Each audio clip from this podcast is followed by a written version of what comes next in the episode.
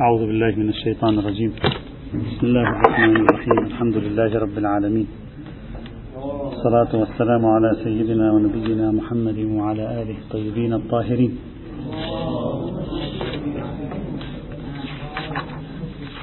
كنا نتكلم في الدليل الأول وهو من أهم أو ربما يكون أهم الأدلة التي ذكروها بالنسبة إليهم في تأسيس ما قالوا عنه إنه مبدأ الكرامة الإنسانية وتأصيل القرآن لهذا المبدأ من خلال قوله تعالى ولقد كرمنا بني آدم.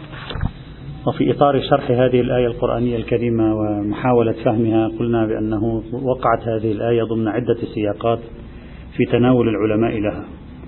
السياق الأول وهو سياق كلامي أشرنا إليه السياق الثاني وهو عبارة عن سياق تكويني نعم الله على الإنسان. قلنا بأن هذا السياق كان الغالب حضوره في آه، كتابات الشيعية وفي كلمات علماء الشيعة.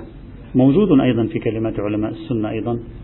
وأما السياق الثالث فهو السياق الفقهي وذكرنا بعض الأمثلة أربع خمس لعلها جميع الأمثلة هذه أربع خمس أمثلة. غالبها يتعلق ببدن الإنسان ميتة الإنسان لبن الإنسان مني الإنسان طهارة الإنسان هذه شعر الإنسان.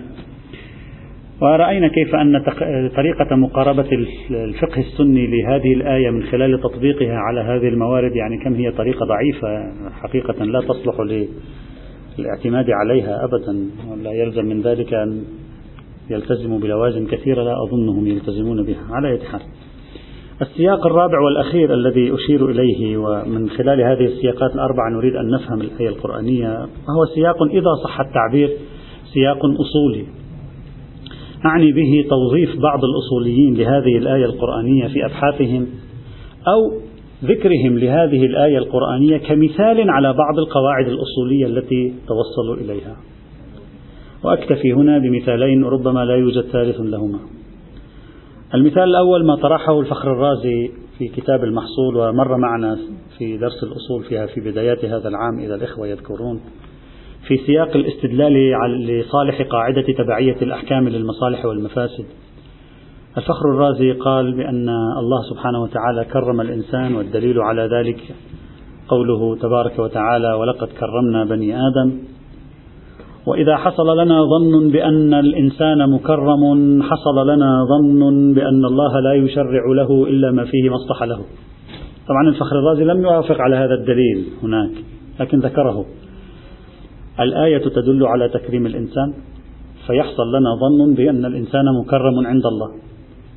والظن بأن الإنسان مكرم عند الله يلازمه ظن بأن الله لا, يصل لا يشرع له إلا ما فيه مصلحة له.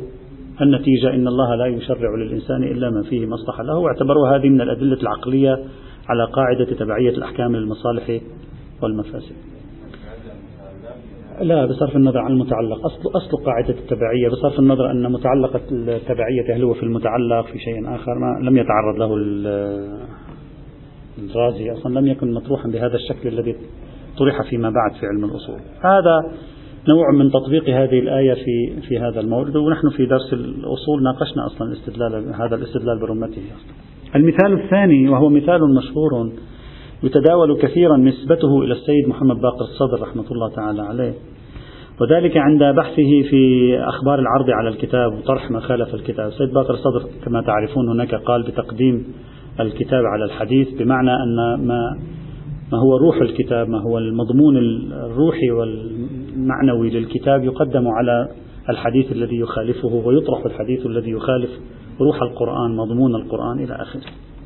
وهناك يستدل بيقول النصوص والأدلة القرآنية وغيرها التي تدل على وحدة البشرية جنسا وحسبا ونسبا والتي تدل على أن البشر متساوون فيما بينهم في الخلقة ومتساوون فيما بينهم في المسؤولية أمام الله سبحانه وتعالى وما شابه ذلك.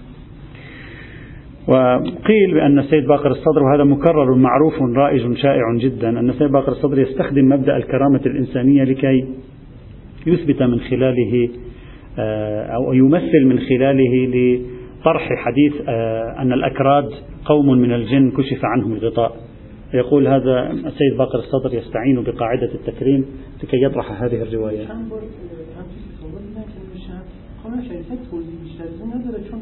های اشکال خیلی ابتدایی به ذهن آدم میرسه. این که خب بابا این میگه أصلا انسان نیستن اون لقد کرم یا بنی آدم چه الآن لا, لا, نعم الآن سنتكلم فإذا هذا ما يظهر من كلام السيد الشهيد الصدر الذي ذكره موجود كلام السيد الصدر في هم في كتاب مباحث الأصول تقرير السيد الحائري هم أيضا في كتاب بحوث في علم الأصول تقرير السيد الهاشمي. لكن السيد الصدر في الحقيقة عندما نراجع النص بدقة أكبر يعني ونتأمل في عباراته أصلا هو لا يأتي ولا بحتى إشارة إلى شيء اسمه تكريم الإنسان ولا يتكلم عن تكريم الإنسان ولا يأتي بذكر الآية أصلا رغم أن هذا الموضوع اشتهر. حتى أنا في, في على سهو القلم أيضا في بعض كتاباتي في كتاب إضاءات مورد في مورد. أيضا ذكرت أن السيد باقر الصدر يقدم كذا بأدلة تكريم الإنسان بشدة ما هو راسخ في, في الذهن من نسبة ذلك إلى السيد باقر. لكنني لم أجد أبدا في كلماته إشارة إلى الآية لم أجد حتى تعبير تكريم الإنسان. الرجل لا يتكلم عن أدلة تكريم الإنسان يتكلم عن أدلة مساواة البشر في الخلقة والمسؤولية. يقول البشر واحد كلهم متساوون في الخلقة والمسؤولية وبالتالي ليس واحد منهم معوج وواحد منهم غير معوج. هلا بصرف النظر هل دليله صحيح دليله غير صحيح؟ هذا بحث آخر قابل للمناقشة. ولكن السيد الصدر أبدا لم يعتمد خلافا لما هو الشائع لم يعتمد على دليل تكريم الإنسان لكي يقول بأن الخبر الدال على أن الأكراد قوم من الجن هو خبر مطروح. أبدا ولا يتكلم أن هذا مناف لكرامة الإنسان بل هو يقول مناف لتساوي البشر في الإنسانية بصرف النظر عن الحسب والنسب ولتساويهم في خصوصيات الخلقة ولتساويهم في المسؤولية أمام الله. لم يذكر آية بعينها على أية حال هكذا ذكر. ربما هم حللوا أن هذا التساوي راجع إلى هذه الآية ولكنه لا يوجد أبدا مفهوم التكريم في كلمات السيد الشهيد. الصدر طيب هذا المشهد مشهد السياقات الأربعة التي تم توظيف هذه الآية القرآنية فيها سواء في علم الكلام في علم في التفسير في الفقه وفي الأصول. الآن بعد هذا المشهد نريد أن ندخل لنتأمل هذه الآية القرآنية الكريمة هل تدل هذه الآية على مبدأ الكرامة أو لا؟ في البداية لا شك ولا لا أظن ينبغي أن نشك في أن تعبير بني آدم في هذه الآية القرآنية عام.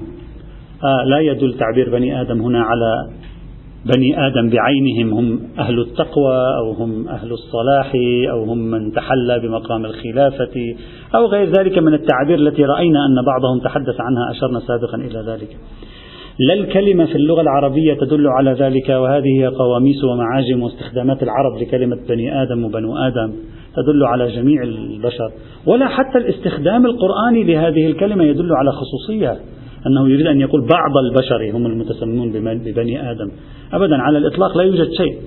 مثلا قوله تبارك وتعالى في سورة الأعراف الآية 26 إلى 32 يا بني آدم قد أنزلنا عليكم لباسا يواري سوآتكم وريشا. إلى قوله يا بني آدم لا يفتننكم الشيطان كما أخرج أبويكم من الجنة ينزع عنهما لباسهما ليريهما سوآتهما. إنه يراكم هو وقبيله من حيث لا ترونهم. إنا جعلنا الشياطين أولياء للذين لا يؤمنون. كلام عام يتكلم عن البشر وأبويكم. آدم وحواء ليسوا أب المؤمنين فقط أب العالم كلهم. ليسوا فقط آباء للمؤمنين وللصالحين وللأتقياء وللذين تحلوا بمقام الخلافة وغير ذلك من التعابير التي نجد أن بعضهم استخدمها هنا.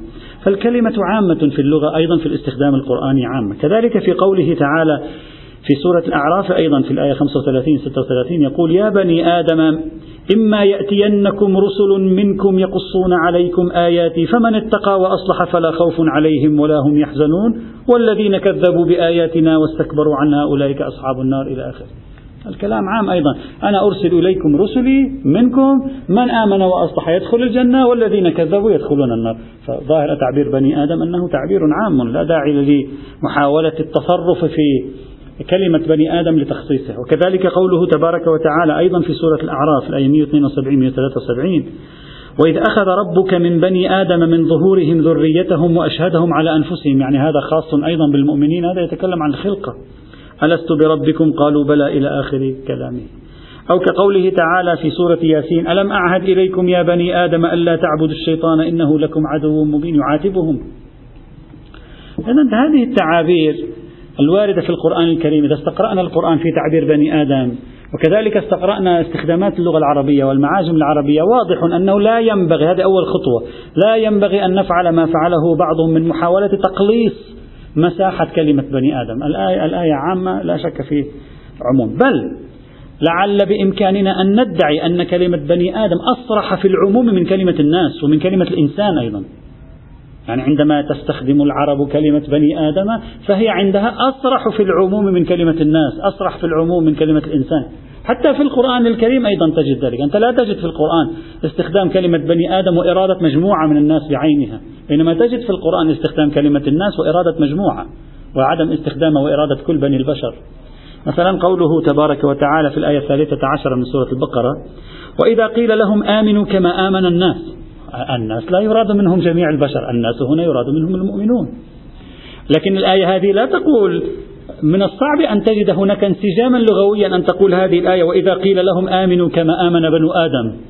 ستجدها ثقيلة على ذهنك العربي على على على ذوقك العربي، لماذا؟ لأن بنو آدم أصرح في التعميم، في الإطلاق وعدم إرادة صنف منهم، إذا بالعكس تماما خلافا لبعض المحاولات التي رأيناها في كلمات أمثال الشيخ جواد آمل الشيخ جعفري وغيرهم كلمة بنو آدم فيها قوة الصراحة في التعميم لجميع أبناء البشر بخلاف حتى كلمة الناس. أو كقوله تعالى فإن لم تفعلوا ولن تفعلوا فاتقوا النار التي وقودها الناس. النار ليس وقودها إلا الكافرون. ليس وقودها المؤمن ومع ذلك يقول الناس. إذا بالنسبة إلى هذا الجزء من الآية القرآنية الكريمة أي ما يتعلق بالمكرم بنو آدم لا ينبغي التشكيك في ظني في أن المراد منه جميع من هم من أبناء آدم أي هذه الأمة البشرية برمتها في هذا السياق.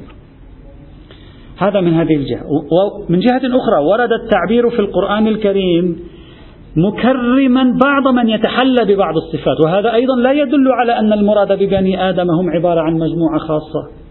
مثلا قال تبارك وتعالى في سورة الأنبياء وقالوا اتخذ الرحمن ولدا سبحانه بل عباد مكرمون لا يسبقونه بالقول. وهنا تعبير المكرم إشارة إلى آه، ليس إلى مطلق الأشخاص وإنما إشارة إلى من هو مكرم. والمكرم هذا ذكرت الآية القرآنية الكريمة توضيحا له وهو الذي لا يسبقه بالقول. لكن هذا لا نستطيع أن نجعله دليل على أنه في كل مورد في القرآن كرم الله فيه أحدا وصفه بأنه مكرم مكرم. إذا فهو بالضرورة أن يكون ممن لا يسبقه بالقول وهم بأمره يعملون. أبدا لا, لا تنافي بين الخاص والعام هنا. مثل هذه التعابير أيضا وردت في سورة ياسين آية 27 صفة التكريم منصبة على فئة خاصة من المخلوقات. تتصف بالصلاح عادة. مثل سورة ياسين الآية 27 سورة الذاريات الآية 24 سورة الصفات الآية 42 سورة المعارج الآية 35 سورة الانفطار الآية 11 وغيرها. إذا ما أريد أن, أن أؤكد عليه في البداية أن مصطلح بني آدم متصفا بالتكريم لا كلمة بني آدم ولا اتصافه بالتكريم موجبا لتخصيصه بجماعة من البشر خلافا لما حاوله بعض المعاصرين في هذا السياق. إذا حتى الآن السعة متحققة في دلالة الآية في أصل الفكرة لا نتكلم بعد عن كلمة ما معنى يكرمون. بعض المفسرين حاول هنا أن يجعل التكريم في الآية خاصا ببعض بني آدم رغم تعقله أن كلمة بني آدم عامة. هو قبل أن الكلمة في الدلالة العربية عامة تدل على جميع البشر. لكن مع ذلك قال إنما كرم هؤلاء لا إرادة لتكريم جميع البشر بل إرادة لتكريم بعضهم. يعني هو لم يقدر أن يتصور أن الكافر مكرم عند الله فأراد أن يخصص في داخل الآية التكريم ببعض بني آدم وإن كان الإطلاق إطلاقا على جميع بني آدم. وهذا ما ينقله لنا جماعة من المفسرين من أمثال آه، الشيخ الطبرسي مثلا في مجمع البيان حيث يقولون بأن المراد هنا إجراء الصفة على جميعهم لتحقق الصفة اللي هي التكريم في بعضهم خاصة. مثل أن تقول كنتم خير أمة أخرجت للناس تأمرون بالمعروف وتنهون عن المنكر. ليس كل المسلمين يا ليس كل أمة المسلمين تأمر بالمعروف وتنهى عن المنكر. بعضهم ومع ذلك وصف الأمة بأنها تأمر بالمعروف وتنهى عن المنكر. قال هذا مثل هذا. لا أريد أن أدخل في آية كنتم خير أمة بحثناها في محله. لكن يريد أن يشبهها بذلك. يقول كنتم خير أمة أخرجت للناس تأمرون وصف الأمة بأنها خير أمة تأمر مع أن الذي هو يأمر والذي هو خير الأمة بعض هذه الأمة ليس كل الأمة يأمر. هنا نفس الشيء. وصفت نسب التكريم إلى بني آدم مع أن المكرم في الحقيقة ليس سوى بعض بني آدم وهم المؤمنون الصالحون. وهذا مبرر في اللغة العربية. هكذا. ذهب إلى ذلك بعض المفسرين أيضا لأجل تقييد الناتج النهائي من كلمة بني آدم. يعني المراد حينئذ من المكرم ليس مطلق بني آدم وإنما خصوص فئة معينة من بني آدم هي عبارة عن الصالحين أو هي عبارة عن المؤمنين. هذا التفسير أيضا في غاية البعد على ما في ظني لأن هذا التفسير لو أردنا أن نمشي معه في الآية القرآنية الكريمة فلا نستطيع أن نكمل الآية. لقد كرمنا بني آدم وحملناهم. حملناهم ترجع على نفس بني آدم. إذا أنت تتكلم عن أننا كرمناهم. ينبغي أن يتسق الكلام. اتساق الكلام في مقاطع الآية. ينبغي أن يعطي أن التكريم إذا كان منصبا على بعض بني آدم في الحقيقة. فسائر مقاطع الآية أيضا لابد أن تكون منصبة على بعض بني آدم. مع أن الآية تقول ولقد كرمنا بني آدم وحملناهم في البر والبحر. حملناهم في البر والبحر. ليس الذي حمل في البر والبحر هم الصالحون. وسائل النقل يستخدمها الكافرون أكثر من المؤمنين. قديما وحديثا. ورزقناهم من الطيبات. لا ليس الذي يرزق من الطيبات هم خصوص المؤمنين. حتى نقيد بني آدم هنا بالمؤمنين وإنما مطلق. فإذا أيضا هذا هذه المحاولة التأبولية لا تنسجم ولا تتسق مع سائر فقرات الآية القرآنية. أظن أظن بل أكثر من ذلك. بل أظن أنه حيث إن الآية تريد أن تمتن على الناس بما فعل الله أصلا تصلح أن تشمل جميع بني آدم. يعني إكرام الكافر في الدنيا مزيد احتجاج عليه. يعني هذا مزيد. الله يقول له أنا أكرمتك تكوينا وأكرمتك تشريعا أيضا. لم لم أطلب الناس أن تقتلك لم أطلب من الناس أن تستعبدك لم أطلب من الناس أن تميز بينك وبين غيرك. كرمتك أشد التكريم حتى تعبدني هم ما عبدتني. وهذا مزيد احتجاج متسق مع الامتنان أيضا. فلا داعي أن نقول إن تكريم الله لبني آدم لا يمكن تعقله. كيف هم كفر؟ لا. لو كرم, لو كرم الله بني آدم برمتهم ولو تكريما تشريعيا متعقل وجه تعقله ولو كان تكريما لكافر هو إلقاء مزيد من الحجة عليه. منحتك من عطاءات التكوينية وأعطيتك أيضا رخصة تشريعية في الدنيا لأرى ماذا تفعل. وإذ بك تكفر تعال إلى الآخرة حتى نصفي حسابنا معك. مثلا. إذا حتى الآن كل المحاولات لأنه ركز المناقشون ركز ركزوا على مفردة بني آدم مريدين أن يقيدوها. أبدا الآية واضحة في تقديري ظاهرة جلية في أن المراد بمتعلق التكريم هم جنس البشر لا أكثر ولا أقل والتكريم واضح معنى التكريم يعني التشريف التكريم يعني العزة التكريم يعني آه، الشرف وما شابه ذلك وهذه معاني واضحة في اللغة العربية. الإكبار وما شابه ذلك.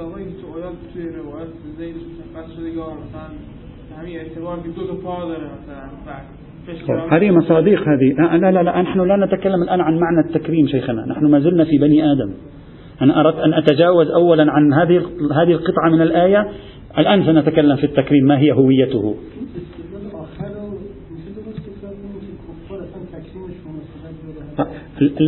المناقش هنا الذي يتكلم عنه أمثال الشيخ الطبرسي يريد أن يقول كأني به كأني به ولم يقل أنا أحلل كأني به لم يستطع أن يتصور أن يكون الله قد كرم جميع بني آدم فأراد أن يحصل. لا متصور ومتعقل جدا. وجه التصوير أن يكون الإكرام التكويني والإكرام التشريعي لجميع بني آدم بمن فيهم الكفار لو سلمنا به نوع من الإلقاء مزيد من الحجة عليهم. يعني هذا النوع مزيد من الحجة. يمكن تصوره. لا أقول ثابت. قل يمكن تصوره. وبالتالي أي غرابة في أن يكرم الله حتى الكافر؟ يقول له أنت مك... في الدنيا نقول يكرم. لا نتكلم عن الآخرة. يكرمه في الدنيا كما يعطيه من الأموال ومن الأرزاق لكي يشعر بأنه معزز كذلك يعطيه من الحقوق لكي يشعر أنه معزز. ثم يقول له انظر ماذا فعلت بك في الدنيا. أعطيتك من كل ما تريد. ماذا أعطيتني أنت؟ يحاسبه في الآخرة. الأمر معقول حينئذ. ليس أمرا غريبا. أحسنت. هذا المقصود. أن هذا الامتنان يذهب أبعد من مجرد الحيثية التكوينية. إذا من خلال هذين من خلال هذه المعطيات التي قلناها لا داعي لتخصيص الآية المؤمنين أو ما شابه ذلك في ولذلك يظهر جليا صحة ما ذهب إليه العلامة الطباطبائي في تفسيره عندما قال الآية مسوقة مساق الامتنان مع عتاب. يعني الله في الآية يريد أن يمتن على البشر معاتبا إياهم. يا جماعة أنا كرمتكم وأنا حملتكم في البر والبحر وأنا رزقتكم من الطيبات وفضلتكم سويت كذا وكذا وكذا وكذا معكم. انظر أنتم ماذا تفعلون. وهذا ينسجم مع كون المخاطب من هو؟ مع كون المخاطب هو غير المؤمن أيضا أكثر من كونه المؤمن. فلا داعي حينئذ للتخصيص. لكن الآن هذه أصلا هي المشكلة الأسهل في في بني آدم. لكن ما هو المراد من التكريم؟ هو هنا مركز التحدي. مركز التحدي ما المراد من التكريم؟ هل التكريم التكويني الذي رأيناه في السياق الشيعي غالبا هو المراد فقط وفقط أو هو مع التكريم التشريعي كما رأينا بعض تطبيقاته الجزئية ولو الضعيفة في الفقه السني. هنا الذي ينبغي علينا أن نفهم لا أن نتوقف عند كلمة بني آدم ونحاول أن نضيقها. التكريم التكويني هو القدر المتيقن. يعني لا لم يظهر من أحد بمن في ذلك الذين قالوا بأن هذه الآية تريد أن تؤسس مبدأ الكرامة الإنسانية في الفقه وفي الشريعة. لم يناقش أحد في أن الآية تشمل التكريم التكويني. ولماذا؟ لأن سياقها أيضا يساعد على ذلك. كرمنا بني آدم وحملناهم وإلى آخر. ما قبلها وما بعدها كله يصب في هذا الإطار.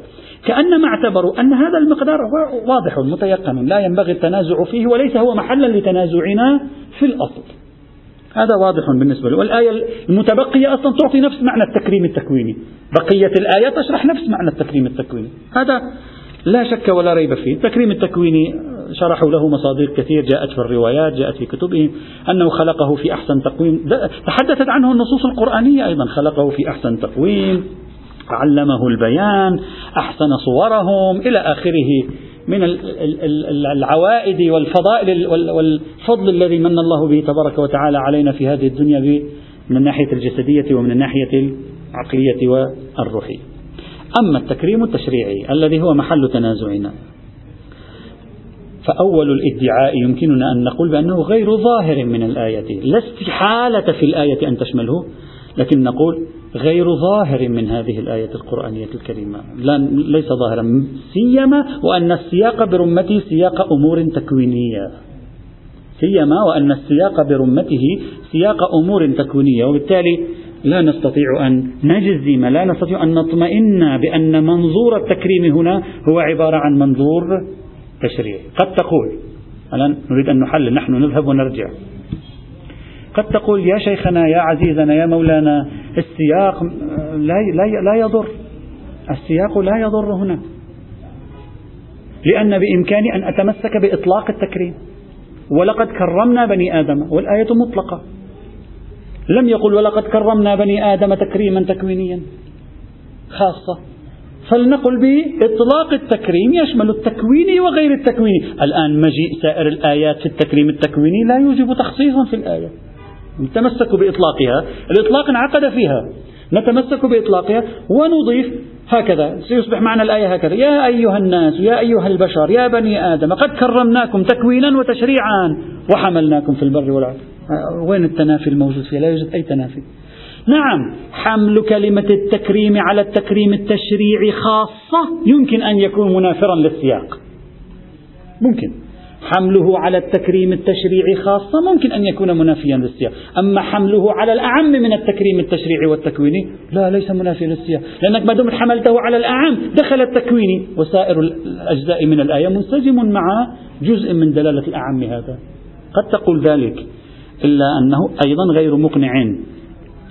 والسبب في ذلك مولانا أننا لا نريد أن نقول الآية انعقد فيها إطلاق.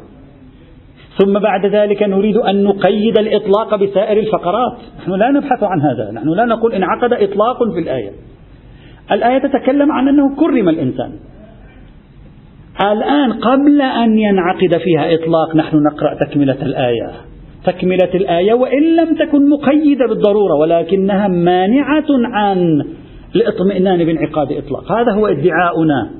يعني كون الآية في سياق أمور تكوينية لا يعود الإنسان يحرز معه أن الآية مطلقة للأمور التشريعية. تحت تحتمل الإطلاق تحتمل عدم الإطلاق.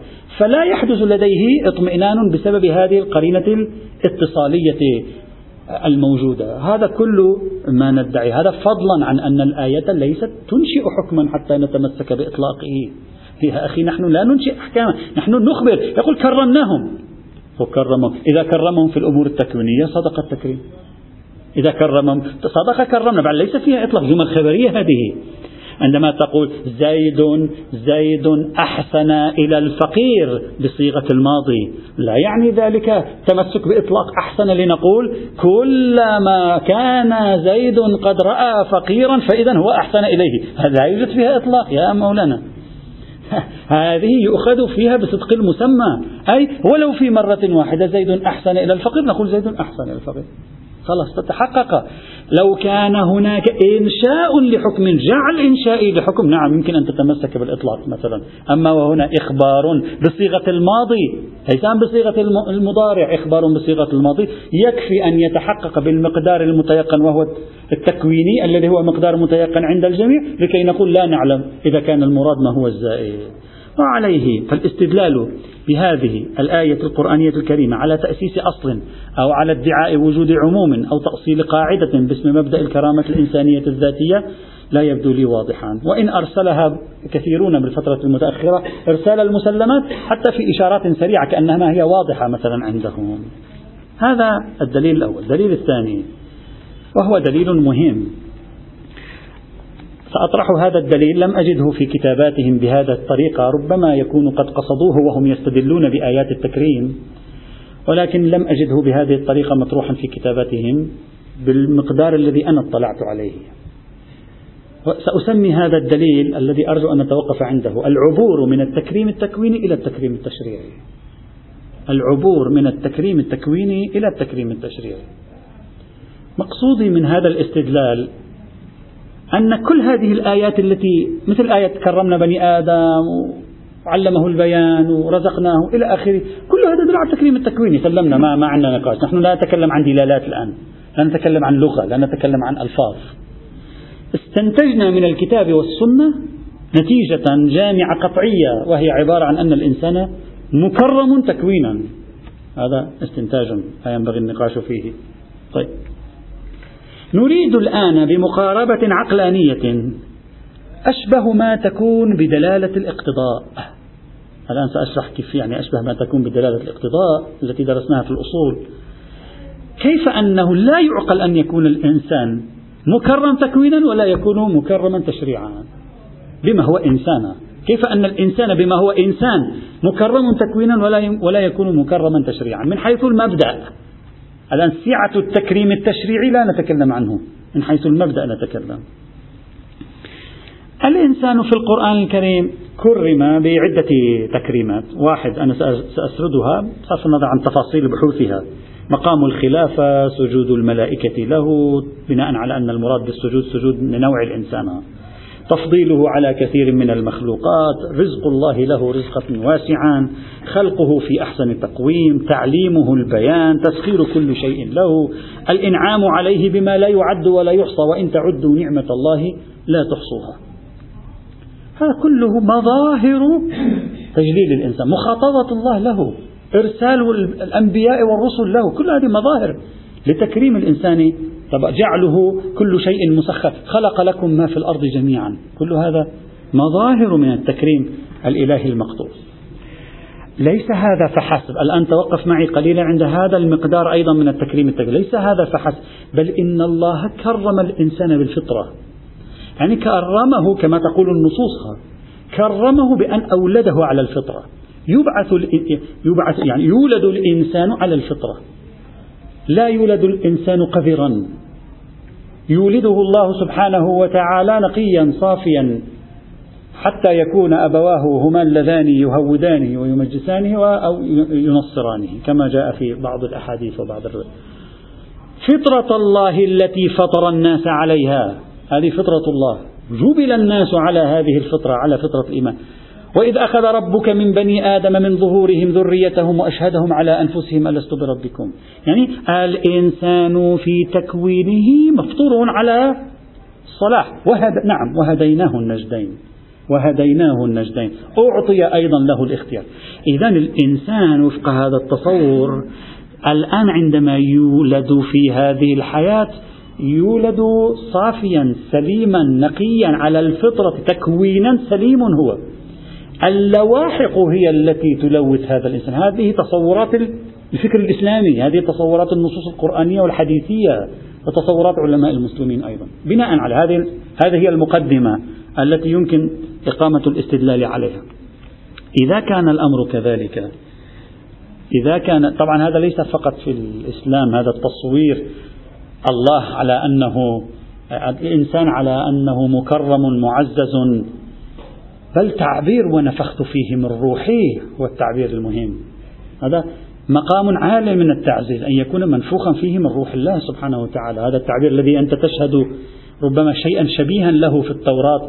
الإنسان خلق على هيئة الله سبحانه وتعالى على صورة الله بضرب من نفخ الروح. كلها مظاهر تكريم. يعني هذا الطفل بصرف النظر عن دينه نفخة من روح الله سبحانه وتعالى. صرف النظر عن دينه خلق على هيئة الله سبحانه وتعالى بأي معنى من المعاني المقبولة لكلمة أن الله خلق آدم على صورته التي يطرحونها في علم الكلام وفي الفلسفة. إذا هذه الصورة مهمة. حتى أنت في التوراة مثلا في سفر التكوين الإصحاح الأول أيضا لاحظ نفس المشهد الإسلامي ينزل على الإنسان مكرما أيضا. يقول وقال الله نعمل الإنسان على صورتنا كشبهنا. هذه خلق الله آدم على صورته. هذه موجودة في التوراة. فيتسلطون البشر نفس مفهوم التسخير على سمك البحر وعلى طير السماء وعلى البهائم وعلى كل الأرض وعلى جميع الدبابات التي تدب على الأرض. فخلق الله الإنسان على صورته. على صورة الله خلقه ذكرا وأنثى. خلقهم وباركهم الله. كل مفاهيم التبريك والتكريم والاحترام. وقال لهم أثمروا وأكثروا واملأوا الأرض وأخضعوها إلى قوله وكان كذلك. ورأى الله كل ما عمله هذا الخلق فإذا هو حسن جدا. تصوير الإسلامي تصوير التوراة كله متعاضد على أن هذا الإنسان منذ أن يولد يولد على هذه الصورة. طيب الآن الاستدلال. إذا كان الأمر كذلك هل يعقل التفكيك بين التكريم التكويني هذا والتكريم التشريعي؟ ما معنى التكريم التشريعي يعني هذا الإنسان دون أن يرتكب جرما أنت لا تكرمه. أي تكريم تكويني هذا يعطيه كل هذا المدح كل هذا الاهتمام كل هذه الرعاية التي يضعها الله سبحانه وتعالى في الإنسان. وفي نفس الوقت يقول له إذا ولدت منتسبا انتسابا اعتباريا إلى أب كافر فأنت لا حرمة لك. الآن تتصور دلالة الاقتضاء الآن. تتعقل معي المفهومين معا. نحاول نذهب بالدليل إلى أبعد حد بعدين سنرى هذا الدليل يمكن تقبله أو لا. وهذا هو دليل الكنيسة الكاثوليكية في موضوع الاستنساخ كما قلنا.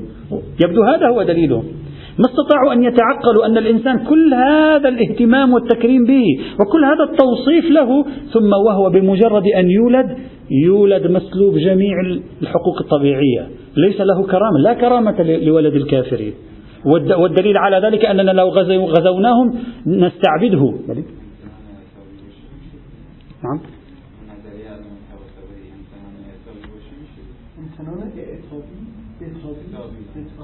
ف آه نعم يعني تنسجمون مع الفكرة. يعني تريدون أن تؤكدوا الفكرة أو ترفضوها.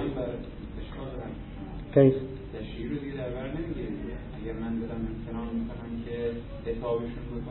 بالعكس العتاب يزيد. لا أنتم لم تأخذوا الفكرة الانتقال. نحن لا نتكلم الآن نحن انتهينا من كلمة ولقد كرمنا بني آدم.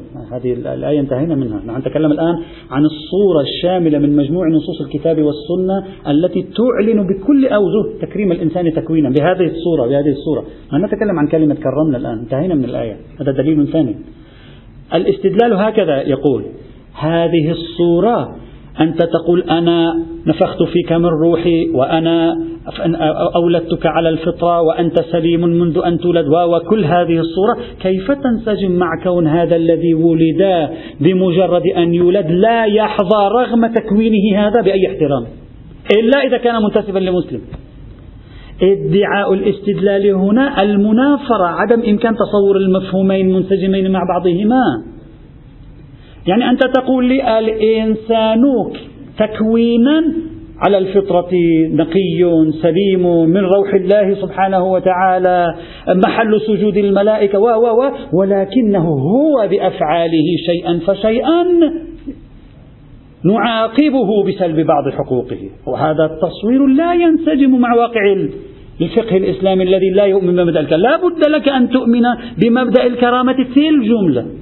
يعني أن تقول المولود بمجرد ولادته الإنسان بمجرد مجيء إلى هذه الدنيا لا بد أن يكون محظيا بالتكريم بالحد الأدنى من أشكاله. حق الحياة ثابت له كونه محترما كإنسان لأنه بعد لم يرتكب جرما. مع هذه الصورة الحسنة التي يعرضها القرآن والسنة للإنسان على أنه بفعل الله هو صالح. ولكن هو يلوث نفسه أو المحيط يلوثه يلوثه تكوينا. طيب هذا معناه أن مجرد مجيء الإنسان على الأرض ينبغي أن يكون مكرما. مكرما ما معنى مكرما؟ يعني محترما بالنظرة الإلهية. متى تسلب هذه النظرة الاحترامية عنه؟ بأفعاله. وهذا لا ينسجم مع واقع الفقه الإسلامي القائم اليوم. يعني إنكار الفقه الإسلامي لمبدأ الكرامة الإنسانية على هذا الاستدلال لا ينسجم مع أن الله سبحانه وتعالى قدم لنا الإنسان بهذه الصورة. فلا بد لك أن تقبل ولو من حيث المبدأ أن يكون هناك الحد الأدنى من التكريم بالنسبة للطفل. الآن بعد أن يبلغ هذا الطفل عليك حينئذ أن تفصل بين القصور والتقصير. يعني منطقية الأشياء تقول ذلك. وإلا أنت في حقيقة الأمر. لا تكن قد كرمته. نحن لا نقول خلقته نقول كرمته وامتننت عليه بهذه الصفات التي تعطيه إياها. فأنت عمليا بهذه الطريقة قد تكون قد نافرت بين تكريمك التكويني وبين المشهد التشريعي الحقوقي. ولعل هذا هو مراد الذين استدلوا بالآيات التي كرمت الإنسان تكوينا لكي يدعوا نحن الآن نحاول نعرض دليله ما نتحمس له لكي يدعوا بأن هذا التكريم التكويني لا نكاد نتعقله عندما يكون الإنسان تشريعا لا كرامة له على الإطلاق إلا إذا كان مؤمنا. ما نكاد نتعقل شيئا من هذا القبيل. أنت حينئذ لم تكرم الإنسان. أنت حينئذ أهنت الإنسان.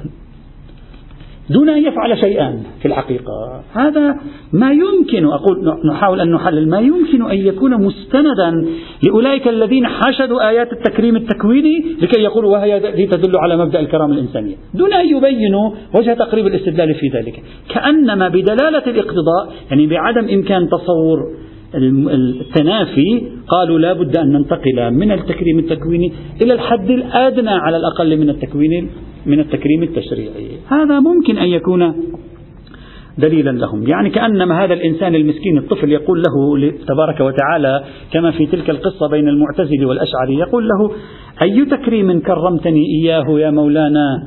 وبمجرد أن دخلنا إلى الدنيا سلبتني جميع حقوق الطبيعية. بمجرد أن أدخلتني إلى الدنيا أنا أنا لا أملك أي حق تشريعي. مستعبد. وإذا بلغت وكنت قاصرا فأنا سأقتل ولا أملك حقوق مساواة مع أحد ولا أتمكن من أن أعبر عن رأيي في شيء وإلى آخره. يقول يعني أي تكريم من هذا أنت تقول أنك كرمتني؟ نعم إذا فعلت معصية اسلب كرامتك عني. أما أن تقول أنا كرمتك وأنا اهتميت بك وأنا أكرمتك على جميع الخلق وهذا هو مشهدك التشريعي؟ أي كرامة هذه؟ بينما لو أعطاه حقوقا تشريعية ثم سلبها عنه بالمعصية نعم نقول هذا كرمه. هذا ما يمكن أن يكون حاصل. له هل هذا الاستدلال صحيح؟ هل هو منطقي؟ هل يمكن أن نقبل به؟ لا نقبل به. يأتي إن شاء الله تعالى بحثه. والحمد لله رب العالمين. صلي على محمد وآل محمد.